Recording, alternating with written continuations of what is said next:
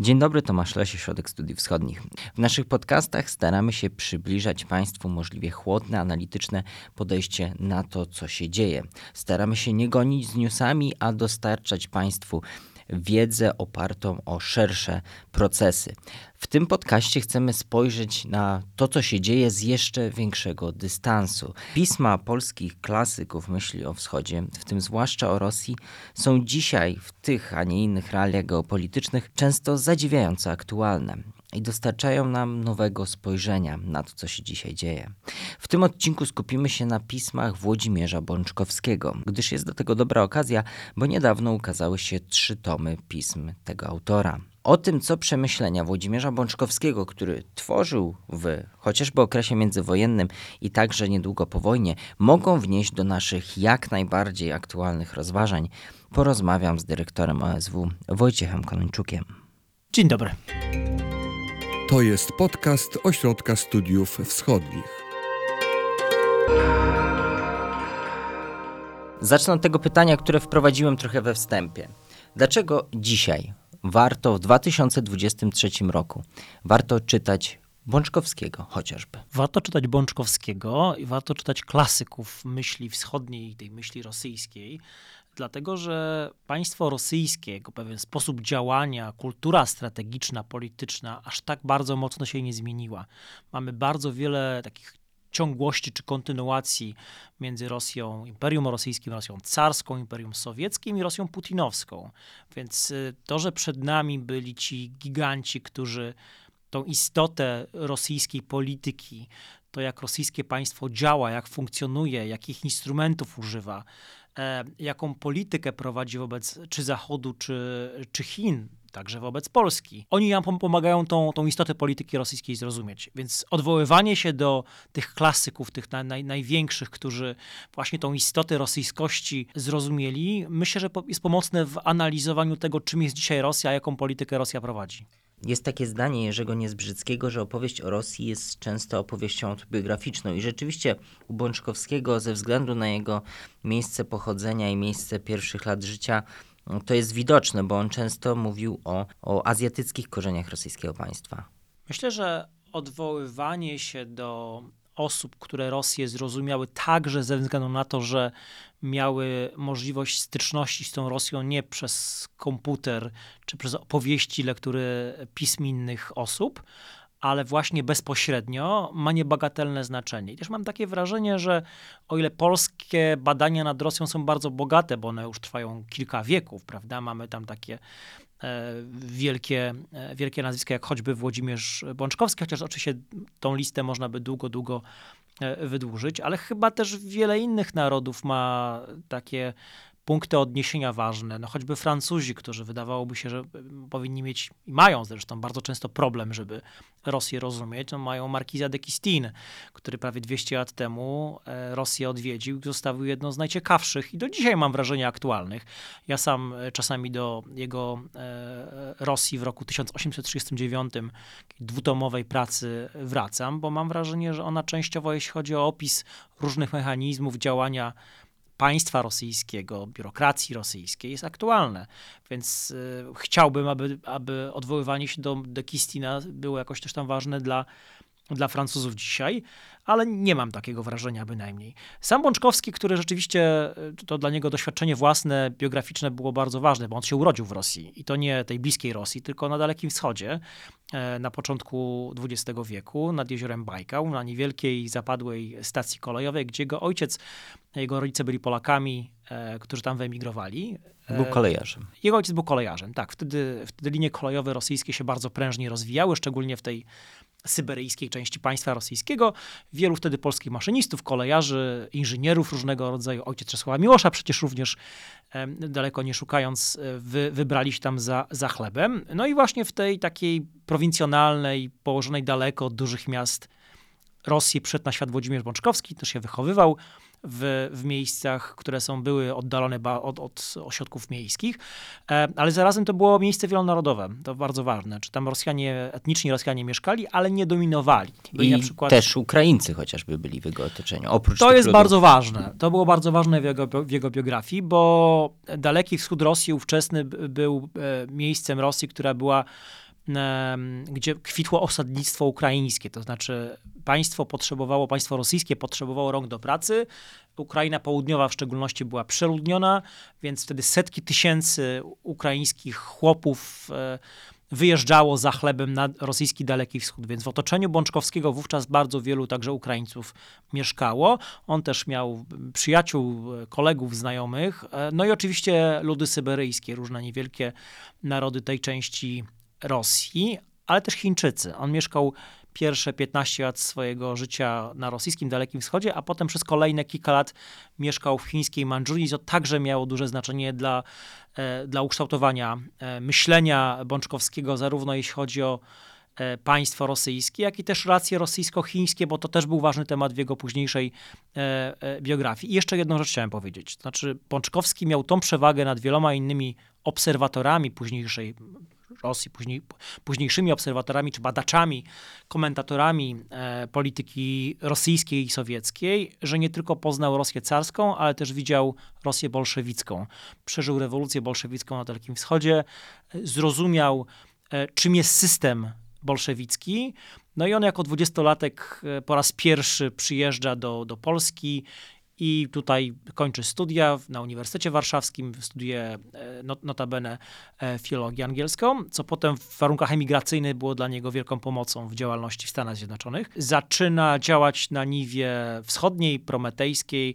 Jego talent, także talent publicystyczny, to staje się bardzo ważnym myślicielem, takim trochę mm, jednym z e, głównych działaczy prometejskich, ale też teoretyków prometeizmu. Tak, i właśnie jeśli chodzi o ten prometeizm, on y, był oskarżany wręcz o ukrainofilstwo. I chciałem chwilę o tym porozmawiać, bo mm, on chociażby pisał do Giedroycia i mówił o tym, że, że chce niepodległości, że Polska powinna chcieć niepodległości Ukrainy, ponieważ ta niepodległość jest w interesie właśnie Polski. Chciałem o to zapytać, czy, czy rzeczywiście ten zarzut ukrainofilstwa jest jakkolwiek, o czymkolwiek, czymkolwiek poparty, bo to jest zarzut, który teraz też często się pojawia wobec, e, wobec ludzi postulujących to, żeby Ukrainie maksymalnie pomagać, aby tę wojnę z Rosją wygrała. Wątek ukraiński był jednym z dwóch najważniejszych w działalności Bączkowskiego przez właściwie całe jego e, profesjonalne życie i twórczość. E, Prometeizm, którego bardzo ważną elementem, rozdziałem była kwestia ukraińska, rozumiana jaka, jako z jednej strony relacje państwa polskiego II Rzeczpospolitej z mniejszością ukraińską, ale z drugiej strony także rozumiana jako dążenie państwa polskiego do stworzenia niepodległego państwa ukraińskiego z siedzibą w w Kijowie. I tutaj Bączkowski uważa, że po pierwsze państwo polskie powinno prowadzić inną, lepszą politykę wobec mniejszości ukraińskiej, bo jak wiemy, druga RP no, prowadziła politykę, która wobec mniejszości narodowych, których miała przecież bardzo wiele, no, która była bardzo daleka, delikatnie mówiąc, od, od, od, od ideału. To znaczy był, mieliśmy nieustanny problem, głównie z mniejszością ukraińską, która była najbardziej świadoma swoich celów, ale też której tożsamość była znacznie bardziej rozwinięta niż choćby tożsamość mniejszości białoruskiej w II Rzeczpospolitej. Więc e, Bączkowski mówił, że jeśli chcemy być wiarygodni dla narodów, e, które tworzą Związek Sowiecki, a, a prometeizm przecież sprowadzał się do tego, że możemy państwo rosyjskie osłabić przez e, jego podział po linii etnicznej, czyli stworzenie niezależnej Ukrainy, Białorusi, państw Kaukazu Południowego, Północnego, Azji Centralnej, różnych narodów syberyjskich.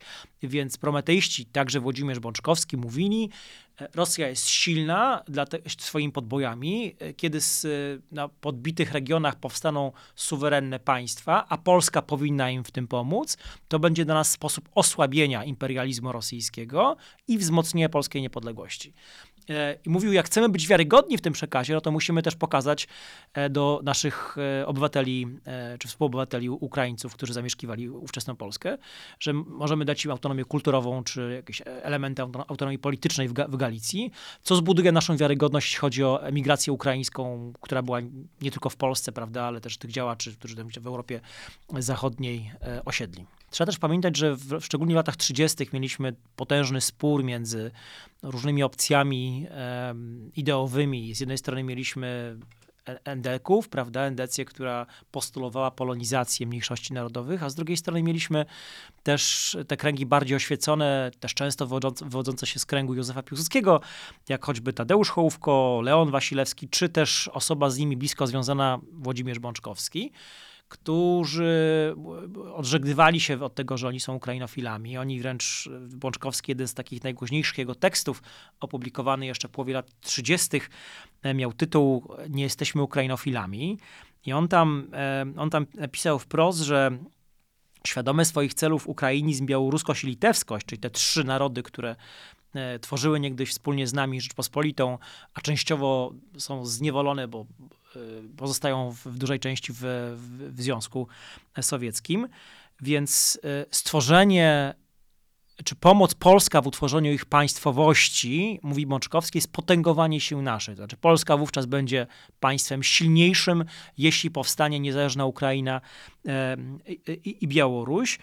E, I mówi dalej Bączkowski, to jest także tworzenie warunków polskiego zwycięstwa nad Rosją. Czyli znowu, znaczy mamy, mamy silny imperializm rosyjski, E, który możemy osłabić, kiedy, kiedy, kiedy e, pomożemy Ukraińcom, Białorusinom stworzyć własne państwa. Także idąc dalej e, narodom kaukaskim. I oczywiście dla części swoich przeciwników ideowych, także czy głównie Endecji, on był postrzegany jako ukrainofil, no bo on głosił potrzebę autonomii ukraińskiej w drugiej, w drugiej Rzeczpospolitej. W jednej, więc on z jednej strony był mm, między dwoma radykalizmami, znaczy endeckim polskim, ale też po drugiej stronie to nie jest tak, że on przez y, obywateli drugiej RP pochodzenia ukraińskiego czy Ukraińców, mniejszość ukraińską, był przez wszystkich kochany.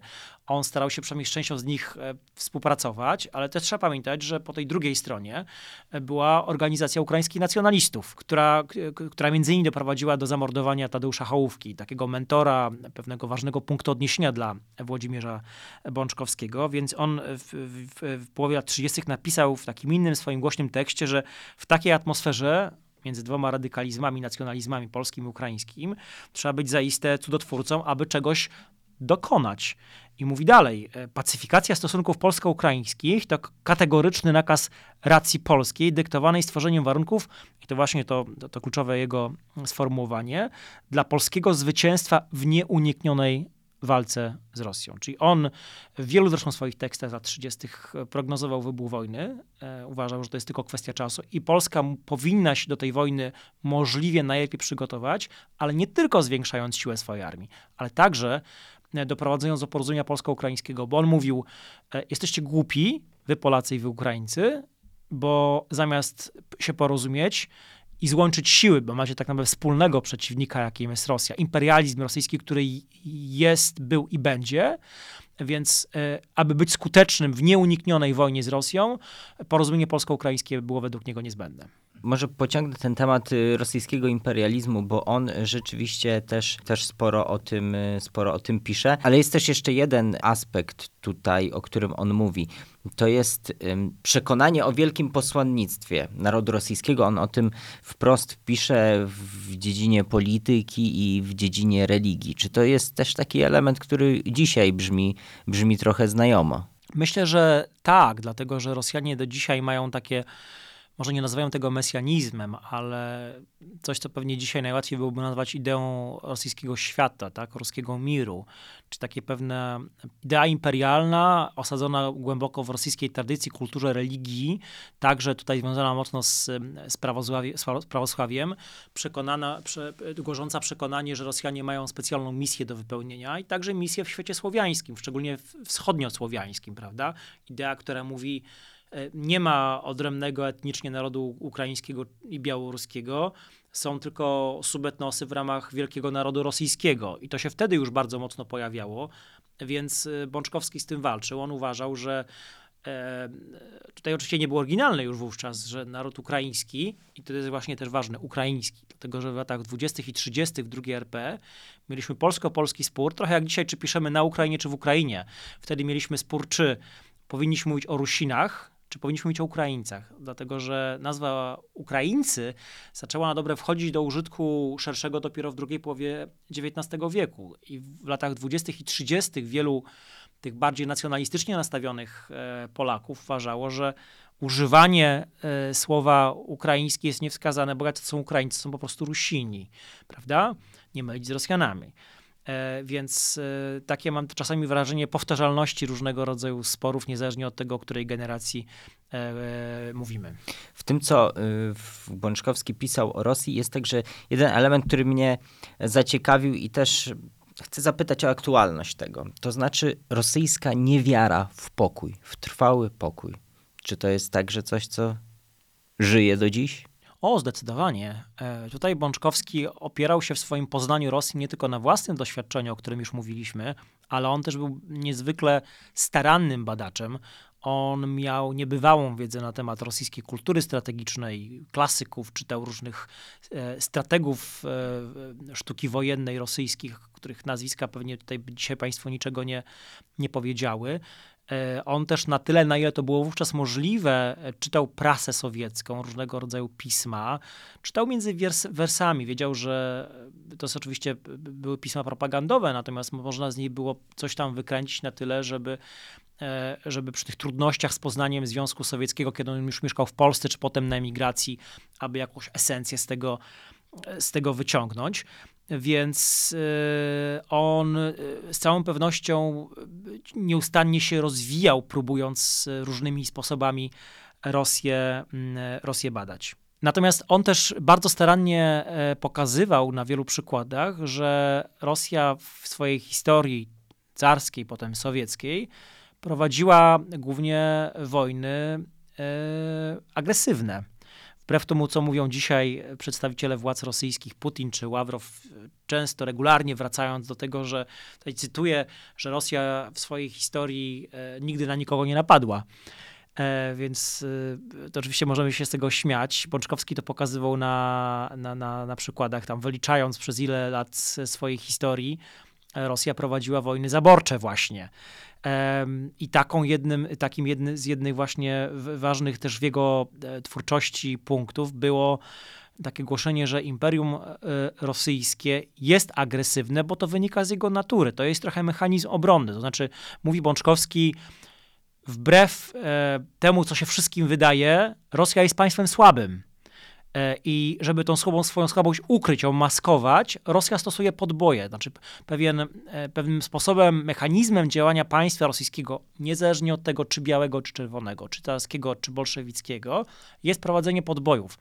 Bo, mówi Bączkowski dalej, to kolejny bardzo ważny element w jego e, ekspertyzie rosyjskiej, to, że Zachód Rosji nigdy nie rozumiał, nie rozumie nie zrozumie.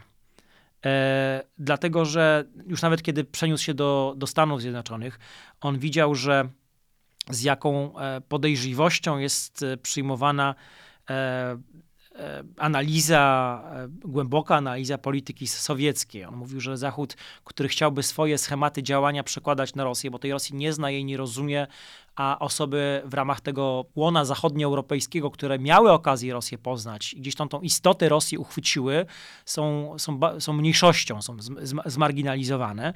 Więc mówi Bączkowski, jak się mówi człowiekowi Zachodu, czym jest tak naprawdę Rosja, to jest to przyjmowane z podejrzliwością i niewiarą. Dlatego no przecież Rosja jest częścią, wbrew takiego, takim klasycznym podejściu, częścią e, cywilizacji europejskiej. A Bączkowski mówił, wcale nie, Rosja nie jest Europą. Tak, i mówił wręcz o korzeniu, wprost opisywał korzenie azjatyckie państwa rosyjskiego i to jest coś, za co on też był krytykowany na Zachodzie. Tak, bo wtedy y, no, trzeba pamiętać, w jakim kontekście on na tym zachodzie się znalazł. Tak? On wyjechał z, z Polski w roku 1939, kiedy wybuchła e, druga wojna, e, więc mieszkał tylko 14 lat. Włodzimierz Bączkowski zmarł w wieku 95 lat i spośród tego swojego długiego życia zaledwie 14 lat spędził w, e, mieszkając w Polsce W drugiej Więcej- Rzeczpospolitej. w II Rzeczpospolitej, dłużej mieszkał w, w Rosji, dłużej mieszkał na Bliskim Wschodzie, bo on też spędził łącznie 15 lat mieszkając y, w Libanie i w, w Jerozolimie. No i wreszcie ostatnie 45 lat swojego długiego życia spędził w Stanach Zjednoczonych.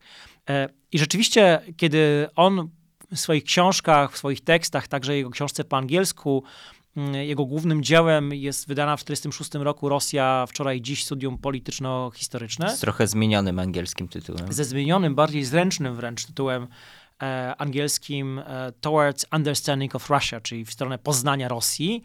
E, On tam, e, e, to zresztą ważna książka, to znaczy to początki sowietologii zachodniej, początek zimnej wojny, ta książka trafia za ocean, tam staje się podręcznikiem w kilku uczelniach wojskowych, które kształcą e, kadry dla armii, dla służb specjalnych, dla administracji publicznej. Więc ta książka właśnie w tym pierwszym okresie zimnej wojny odegrała ważne, ważne znaczenie. E, mimo tego pewne diagnozy, które on stawiał e, w swoim e, pisaniu o Rosji, mówiące między innymi, że no, no Rosja nie jest Europą, nie, nie tylko nie jest klasyczną Europą, ale też korzenie państwowości rosyjskiej tkwią po części w Bizancjum przez prawosławie, po części wynikają z pewnej tradycji azjatyckiej.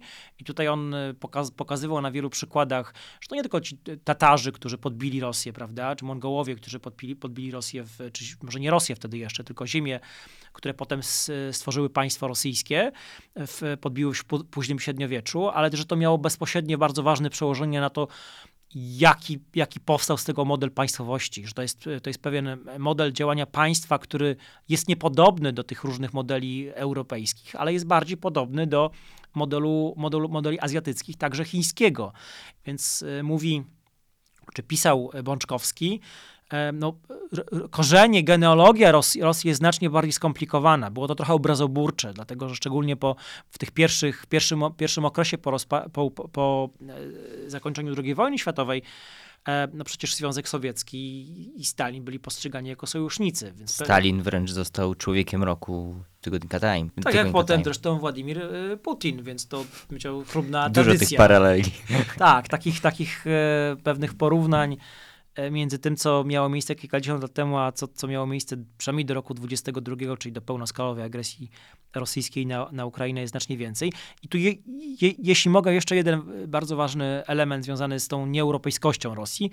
Mówi Bączkowski, e, z powodu swojego e, złożonego pochodzenia e, państwowość rosyjska nie jest w stanie się porozumieć z Zachodem jest strukturalnie, pisał Bączkowski, niezdolna do tego, żeby się z Zachodem porozumieć. Pomimo, że Zachód bardzo by chciał. Pomimo tego, że Zachód bardzo by chciał wczytany w Dostojewskiego, e, Czechowa, potem Sołżenicyna, prawda, i oglądający balet, wielki balet rosyjski.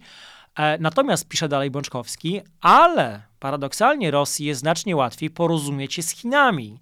I tutaj znowu pewnie to y, ostatnie e, dekada czy dwie to potwierdzają, że jak widzimy, Rosji dzisiaj łatwiej jest się dogadać z Pekinem, niż dogadać się z, z Zachodem. I tutaj pozwolę sobie na, na jeszcze jeden cytat. Kiedy Bączkowski pisze o relacjach rosyjsko-chińskich, on mianowicie tak to widzi.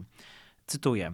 Oba te olbrzymie kraje są w wysokim stopniu zazdrosne o bogactwa świata zachodniego i w rezultacie stwarza się nienawiść do wszystkiego tego, co przychodzi z zachodu, stając się źródłem różnych e, kompleksów chińskich, rosyjskich.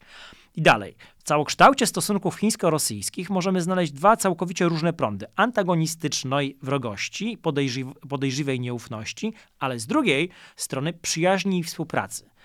Nikt oczywiście nie wie z całą pewnością, który z tych prądów weźmie górę, lecz wydaje się prawdopodobne, że to będzie raczej tendencja ku przyjaznej współpracy rosyjsko-chińskiej. Potwierdziło się po kilkudziesięciu latach. Tak. E, Jeszcze wrócę do tego wątku trochę powiedzmy, że pewnego mesjanizmu, chociaż to nie jest y, precyzyjne słowo, ale przekonania o, o misji e, Rosji, które też gdzieś widać e, aktualnie i o tym, jak to jest wykorzystywane. Też kolejny cytat, który wydaje mi się znowu jest bardzo aktualny. Każdorazowe zjawienie się u wrót imperium jakiegokolwiek niebezpieczeństwa, rozdmuchanego zwykle przez propagandę wewnętrzną dro- do roli sprzysiężenia zewnętrznego świata przeciwko Rosji, wywoływało w masach podniecenie uczuć narodowych, wykorzystywanych natychmiast przez władze sowieckie. Myślę, że zmienimy sowieckie na rosyjskie, I będzie aktualne. Tak jest. I będzie jak najbardziej aktualne. I też odnośnie tej aktualności, Bączkowski, gdy pisze o Imperium Sowieckim, często mówi w kontekście chociażby polityki Stalina, chociażby wobec cerkwi, ale do, w wielu różnych kontekstach powołuje się, przywołuje Piotra Wielkiego i Iwana Groźnego. I to chyba też jest kolejna rzecz, która możemy pewną y, linię, linią połączyć do współczesności. Tak, on zresztą uważał, że nie ma większych różnic między imperium rosyjskim, carskim, a imperium bolszewickim.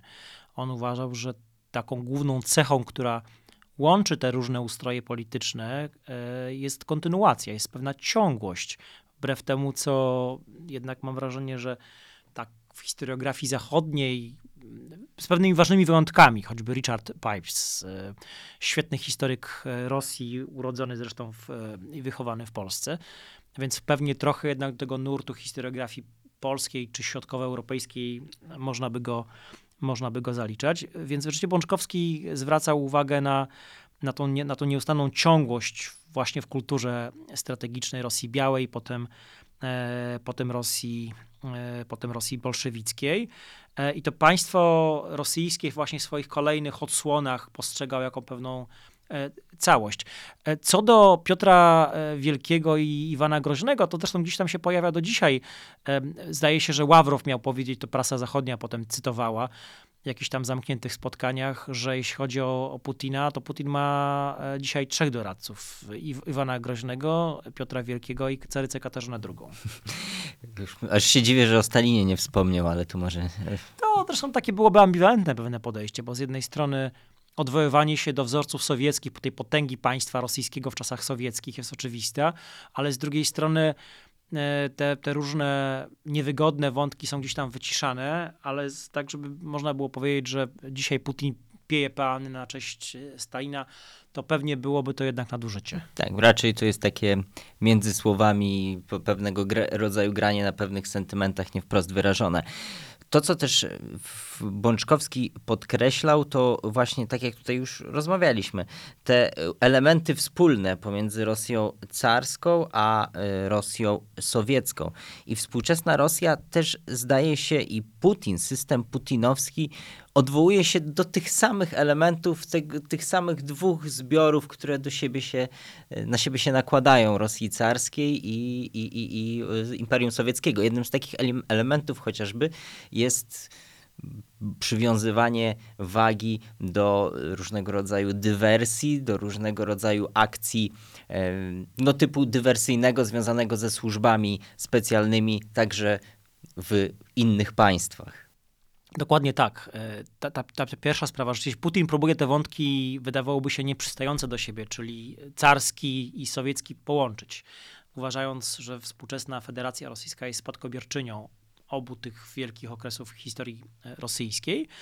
E, Więc to zresztą te, ten pewien eklektyzm, czy czerpanie przez putinowską Rosję z jednej strony z tradycji czekistowskiej, KGB, z którego się przecież sam Putin wywodzi, a z drugiej strony odwoływanie się do prawosławia, do pewnej idei e, ruskiej, prawda? No to to bardzo łatwo można powiedzieć, że tutaj Putin jest, e, czerpie z tych wzorców przedrewolucyjnej Rosji. Ten, ten drugi e, wątek, o którym wspomniałeś, on to też jest z kolei bardzo, bardzo ważna myśl w, w twórczości Włodzimierza Bączkowskiego, bo on mianowicie był pewnie jednym z pierwszych badaczy, który zwrócił uwagę na to, że armia, siła zbrojna to jest de facto drugoplanowy rodzaj broni rosyjskiej, tak pisał, że dla, dla Rosji najważniejsza jest akcja nacechowana dywersją, rozkładem i propagandą. Czyli, że zanim Rosja przystąpi do wojny, to zmierza do maksymalnego osłabienia swojego przeciwnika innymi niezbrojnymi środkami oddziaływania. Czyli właśnie propagandą. Dzisiaj byśmy powiedzieli, że to jest Russia Today, e, propaganda, trole w sieciach społecznościowych, prawda? Wtedy mieliśmy Komintern, tak? próba e, pewnych działań propagandowych na, skierowanych do, do społeczeństw demokratycznego, do demokratycznego Zachodu, a wszystko po to, żeby zanim, zanim Rosja przystępuje do wojny, żeby je maksymalnie osłabiać. I mam też takie wrażenie, że podobne były działania rosyjskie skierowane wobec Ukrainy, tylko że tutaj przed tym wybuchem najnowszej wojny. Tylko tutaj pewnie Rosjanie jednak nie docenili e, po pierwsze e, tej akcji rozkładowej, którą prowadzili agentura, różnego rodzaju działania mające e, opór ukraiński do, do obrony osłabiać, że to wszystko jak gdyby miało miejsce, natomiast oni Przecenili efekty. przecenili dokładnie, że oni jednak przecenili e, e, tego, do czego, to się, to, do czego to się udało się, do czego to się nie udało doprowadzić. Jakiś czas temu zrobiliśmy na naszym kanale na YouTube materiał o narodach wewnątrz Rosji. I tutaj kolejna rzecz, Bączkowski też właśnie o tym, o tym sporo pisze i kolejny cytat.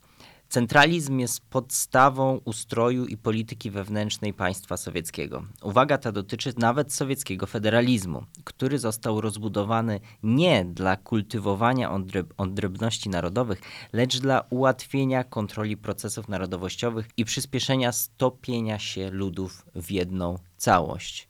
I tu także ładna paralela do dzisiejszej federacji przecież rosyjskiej. Federacji, która tak naprawdę federacją nie jest, tylko jest państwem wysoce scentralizowanym. Tak gdzie... jak swoje poprzedniczki. Tak, Związek Sowiecki e, powstał jako de facto federacja. Przecież mieliśmy e, Republikę Białoruską, Ukraińską, potem też szereg innych, które zostało utworzonych, co miało też służyć temu, żeby próbować zapanować nad e, no, tymi silnymi, szczególnie ukraińskimi nacjonalizmami, które wtedy które wtedy się rozwijały. Więc w tym pierwszym swoim okresie Związek Sowiecki prowadził bardzo liberalną politykę skierowaną na rozwój kultur narodowych ukraińskich, kaukaskich narodów i, i wielu innych. E, dopiero potem e, to się skończyło w latach 30., kiedy na ich miejsce wszedł centralizm, rusyfikacja i też eksterminacja elit narodowych, tych nierosyjskich części Związku Sowieckiego. Więc rzeczywiście, jak pisał Bączkowski, celem było stopienie się tych różnych narodów w ramach, w tym Wielkim Morzu etnicznie rosyjskim. Zresztą Stalin, który jak wiadomo był z pochodzenia Gruzinem, był też rosyjskim, w takim etnicznym tego słowa znaczeniu, nacjonalistą. E, jeszcze ostatni z tych rundy cytatów, których przygotowałem, pokazujących paralele, ale myślę, że warto o nich e, mówić do czego to nas prowadzi, to, to o tym zaraz powiem i o to będę pytał, ale kolejna rzecz, która wydaje mi się bardzo ciekawa i gdy przygotowując się do tego podcastu e, czytałem dzieła, dzieła, właśnie Bączkowskiego, to, to, to mi się też zapaliło jako pewnego rodzaju ciekawostka czy lampka. I tu znowu cytat.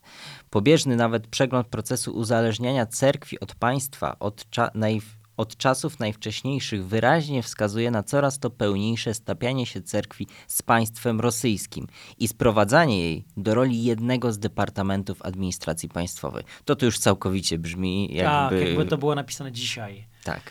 E, tylko to może, to, to, może aż takie trudne nie było, żeby do takiej, takiej myśli dojść. Mówimy o Rosji stalinowskiej. O Rosji stalinowskiej, tak. On też na tyle po, po, e, pokazał, dlaczego, kiedy wybuchła II wojna światowa i doszło do napaści hitlerowskiej na Związek Sowiecki, dlaczego e, no, zaczął się pewien poluz, poluzowanie możliwości działania cerkwi w Rosji. Wtedy między innymi po długiej przerwie patriarcha cerkwi rosyjskiej został wybrany. Więc to, to miało po prostu użytek instrumentarny, e, wy, wyłącznie z punktu widzenia Stalina. Więc to pewne złączenie się, symbioza władzy politycznej z władzą religijną, prawosławną w tym kontekście, mm, było cechą charakterystyczną i jak widać jest cechą charakterystyczną Rosji, e, niezależnie od tego, czy Rosji bolszewickiej, komunistycznej, czy, czy Rosji putinowskiej. W, te wszystkie cytaty przy, przytaczałem w pewnym, e, w pewnym kontekście, bo E, gdy je też wypisywałem, zastanawiałem się, czy ta wizja, którą wysnuwamy z tego, co pisał Bączkowski i z tych, e, no gdy się, czy, gdy, gdy się czyta, to, to często no, uśmiech e, pojawia się na twarzy, ale uśmiech nie powinien się pojawiać, bo to są rzeczy bardzo pesymistyczne tak naprawdę. To, że te paralele są. I zastanawiam się, czy, czy ta myśl, to, że widzimy tak dużo ciągłości w państwie rosyjskim, czy, czy to właśnie w gruncie rzeczy nie jest bardzo, bardzo pesymistyczne? To znaczy, czy taki wniosek jest prawdziwy, że to ogranicza szanse na przemiany jakieś realne w Rosji, skoro te państwo ma takie korzenie, ma taką ciągłość, przez tyle wieków prowadzi taką, a nie inną politykę. Nie zmieniło się pod wpływem tego wszystkiego, co zmieniły się społeczeństwa zachodnie, internetu i tak dalej. Mówimy dalej o pewnych stałych mechanizmach. Czy, czy to właśnie w gruncie rzeczy nie jest tak naprawdę jakaś myśl bardzo pesymistyczna i czy wniosek z lektury Bączkowskiego może być taki, że no Rosja się nie zmieni? Myślę, że takie wrażenie może powstać i pewnie ono byłoby też bliskie Bączkowskiemu. On też, mimo tego, że już po rozpadzie Związku Sowieckiego on już był na tyle wiekowy, że właściwie nie pisał, jakieś tam nieliczne wywiady czasami mu się zdarzało udzielić. I w 92 roku powiedział, że jego zdaniem w Rosji zwycięży czarny nacjonalizm i dążenie do odbudowy imperium. Jesteśmy moment kilka miesięcy po rozpadzie Związku Sowieckiego, powsta, mamy niepodległą Ukrainę, Białoruś, no i Bączkowski, głęboko znający istotę rosyjskości, mówi, da, tak, ale to, to, to na chwilę tylko, tak, to, to stare będzie próbowało, jest na tyle żywotne, że będzie próbowało się odbudować, a nie ma tak naprawdę konkurencji, albo konkurencja jest na tyle słaba, że nie ma szans, prawda? Więc myślę, że y, myślę, że, że to jest adekwatne również dzisiaj. To znaczy, dzisiaj trudno jest być optymistą, patrząc na państwo rosyjskie, chociaż e, optymistą w sensie możliwości transformacji, e, czy jakichś elementów demokratyzacji, choćby w dłuższym okresie, bo też nie należy mieć żadnych iluzji. Rosja demokracją się w dającej się przewidzieć perspektywie nie stanie, ale pytanie, od którego zależy także przyszłość państwa rosyjskiego i jego kształt, to jest to, jaki, jak się skończy ta wojna. Ta wojna zdecyduje o wszystkim. E, jeśli Rosja tą wojnę, a miejmy taką nadzieję, przegra, no to to pociągnie za sobą z całą pewnością wstrząsy i destabilizację wewnętrzną. E, pytanie, w którą stronę to wówczas pójdzie. Znaczy, mam wrażenie, że to jest tak na tyle e, równanie z wieloma niewiadomymi, że przewidzenie tego, w którym miejscu będzie Rosja za dekadę, czy, czy tym bardziej dwie, jest dzisiaj niemożliwe. Mam nadzieję, że nas zaskoczy rzeczywistość, ale to, co, nad czym e, Bączkowski mógłby się dzisiaj uśmiechnąć, to chyba stosunki polsko-ukraińskie. To jest chyba nie powiem, że może stan, do którego on, on dążył, ale to, jak Polska dzisiaj pomaga Ukrainie, no to jest coś, na co on by na pewno spojrzał z, z dużą przychylnością. Myślę, że tak było z całą pewnością, dlatego że on do tego dążył. To znaczy, on mówił, e, jesteście wskazani, wy Polacy i wy Ukraińcy, na współpracę ze sobą, bo macie i będziecie mieć wspólnego wroga i wspólne zagrożenie, które będzie wisiało i nad Ukrainą, nad Polską. Tą Ukrainą która, która miała powstać jako niepodległe państwo. Mimo tego e, gdzieś tam w jednym z swoich tekstów napisał, że te relacje pewnie idyl, idylliczne e, nie będą, bo nigdy nie są idealne między żadnymi sąsiadami. O tyle jednak ten zbiór wspólny, prawda, to fundamentalne zagrożenie dla bezpieczeństwa, czyli najważniejszego wymiaru funkcjonowania każdego państwa, będzie na tyle ważne dla i Polaków, i Ukraińców, że zwycięży tendencja do e, współpracy. I, i myślę, że y, myślę, że on jest, z jednej strony mówimy często Giedroć Mieroszewski, prawda, ta doktryna polskiej polityki wschodniej, ale pamiętajmy, że Giedroć i Mieroszewski też się znikąd nie wzięli. Oni też bazowali na, e, na tych, którzy, którzy, byli, którzy, którzy byli przed nimi. Przed nimi. Giedroć i Bączkowski znali się zresztą od lat 30., pismo, które e, prowadził Włodzimierz Bączkowski jeszcze w latach 30. Wschód Orient. Pierwszy numer tegoż pisma jeszcze w, w zdążył wydać Jerzy Giedroć. Dopiero potem e, został redaktorem naczelnym tegoż czasopisma e, Bączkowski. I wreszcie po II wojnie światowej, kiedy powstawała kultura, Bączkowski był jednym z tych autorów, którzy E, do, przez pierwszą dekadę do kultury pisali e, o wschodzie, o, o Związku Sowieckim i wręcz on w percepcji Giedroycie miał być takim głównym piórem kultury, jeśli chodzi o kwestie wschodnie, jeszcze przed Miroszewskim. Wielokrotnie próbował go do kultury jeszcze bardziej zaangażować. Tak, próbował, próbował Giedroyć Bączkowskiego ściągnąć z Bliskiego Wschodu, e, z Jerozolimy, a potem z Bejrutu. E, co się nie udało, proponował wręcz Bączkowskiemu, aby on został korespondentem e, kultury w Berlinie. I tu się Bączkowski wymigiwał, mówiąc, że on słabo zna język niemiecki. Ale chyba tak naprawdę to wynikało z tego, że Bączkowski już wówczas myślał o wyjeździe do Stanów Zjednoczonych, uważając, że losy świata, losy Europy e, przesądzi konflikt amerykańsko-sowiecki tak naprawdę Europa Zachodnia jest zmarginalizowana i to Stany Zjednoczone będą decydowały, jak będzie świat wyglądał. I to się Pączkowski nie pomylił, e, bo wiemy, kto wygrał zimną wojnę, a zarazem e, przez kilkanaście lat swojego, swojej pracy zawodowej jeszcze w Waszyngtonie Włodzimierz Bączkowski pracował dla amerykańskiej administracji, prawdopodobnie także do służb amerykańskich, pracując takiej pod przykrywką w takiej komórce analitycznej, która była umiejscowiona w Bibliotece Kongresu, ale de facto e, działała, pracowała na potrzeby amerykańskiego wywiadu. I też z tego okresu mamy mniej jego twórczości i mniej jego pism. On wówczas zamilkł, także do kultury przestał pisać ku e, niezadowoleniu Giedroycia. Dopiero po tym, jak przed na emeryturę, jeden czy dwa teksty opublikował w, w kulturze paryskiej.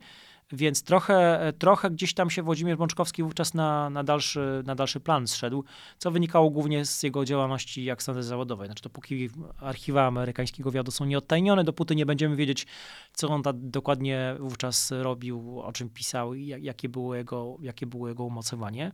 Natomiast y, myślę, że on się na to zdecydował właśnie dlatego, że był przekonany, że Amerykanie, świat zachodni potrzebują cały czas tej takiej rzetelnej, głębokiej wiedzy na temat rosyjskości Związku Sowieckiego i że w mentalności człowieka Zachodu zrozumienie tego skomplikowanego e, mechanizmu, jakim jest idea rosyjska, jakim jest właśnie sposób funkcjonowania państwa sowieckiego, rosyjskiego, to jest coś na tyle e, trudnego, że pomoc takich ludzi jak Bączkowski, ale też wielu innych emigrantów z, z Europy Środkowej i Wschodniej E, była niezbędna. Włodzimierz Bączkowski nigdy e, niestety do Polski z różnych przyczyn się nie przeprowadził, ale ale, ale Polskę odwiedzał i tak jak wspominałem we wstępie, w 1992 roku odwiedził Ośrodek Studiów Wschodnich i też to miało, jak rozumiem, pokazać kolejne paralele historyczne, do których odwołuje się właśnie OSW.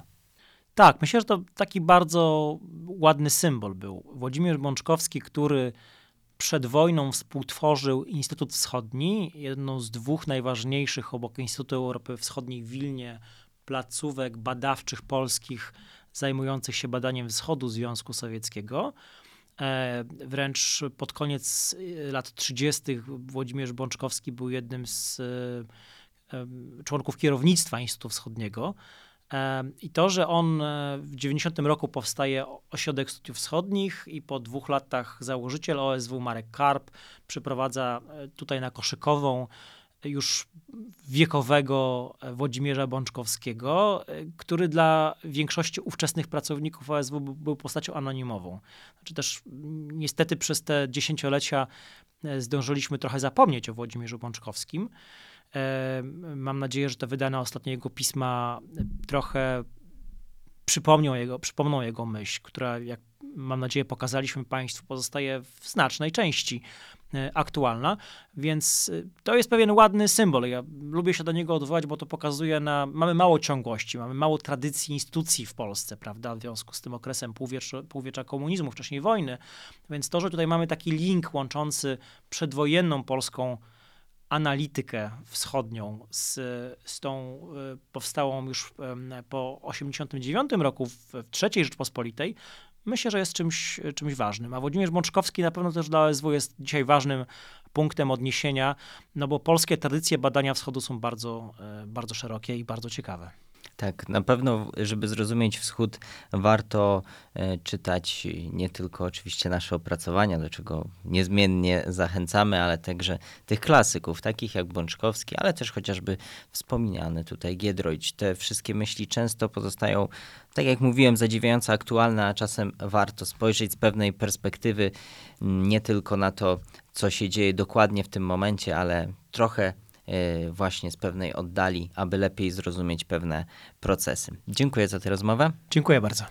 Zapraszam Państwa do obserwowania nas y, na YouTubie. Tworzymy także kanał anglojęzyczny. Link zostawimy w opisie. Zachęcamy Państwa do, do podawania tego kanału dalej, także zwłaszcza oczywiście dla e, znajomych anglojęzycznych, gdyż właśnie staramy się tam to, czym się zajmujemy, czyli analiza e, wschodu, głównie chociażby Rosji, staramy się to propagować także w języku angielskim i także dla odbiorców zachodnich. Trochę tak jak próbował Łączkowski. Do usłyszenia w kolejnych odcinkach podcastu Ośrodka Studiów Wschodnich. Wysłuchali Państwo podcastu Ośrodka Studiów Wschodnich. Więcej nagrań można znaleźć na stronie www.osw.waw.pl.